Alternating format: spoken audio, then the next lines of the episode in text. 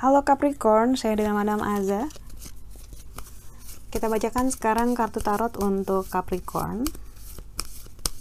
Untuk bisnis, finansial ataupun karirnya ya.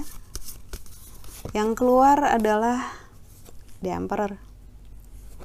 Ini menunjukkan adanya energi raja.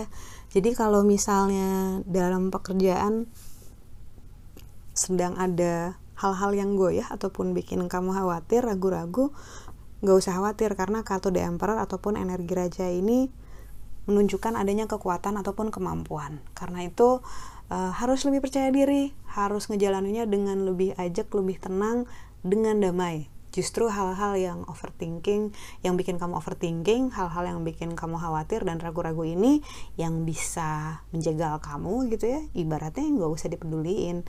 Uh, percaya aja sama diri sendiri gitu. Usahakan yang terbaik. Karena kartu The Emperor ini kayak sebuah tulisan big yes gitu. Iya bisa mampu dijalanin aja uh, akan baik-baik aja lalu untuk percintaannya Capricorn. Kartu yang keluar adalah The Hangman. Hang there. Ini adalah tentang bertahan di masa-masa yang mungkin gak selamanya menyenangkan dalam hal relasi ataupun percintaan.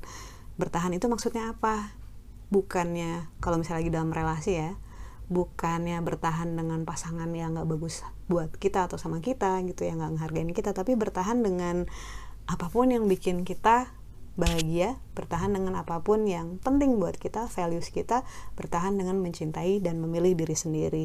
Sesusah apa pun itu, kamu harus sadar apa yang bagus buat kamu apa yang gak bagus buat kamu gitu. Secinta apa pun sama orang semoga kamu gak pernah harus kehilangan diri kamu sendiri. Karena membohongi diri sendiri itu sungguh melelahkan dan menyedihkan loh. Jadi kartu The Hangman ini lebih kayak bilang survive gimana pun terasa sulit gitu jadi pilihanmu dalam hal relasi semuanya adalah uh, hak kamu sendiri gitu hanya kalau bisa cobalah untuk perhatikan kebutuhan hatimu sendiri juga. Kartu, nasi kartu nasihat yang diberikan untuk Capricorn. Kartu yang diberikan adalah Judgment.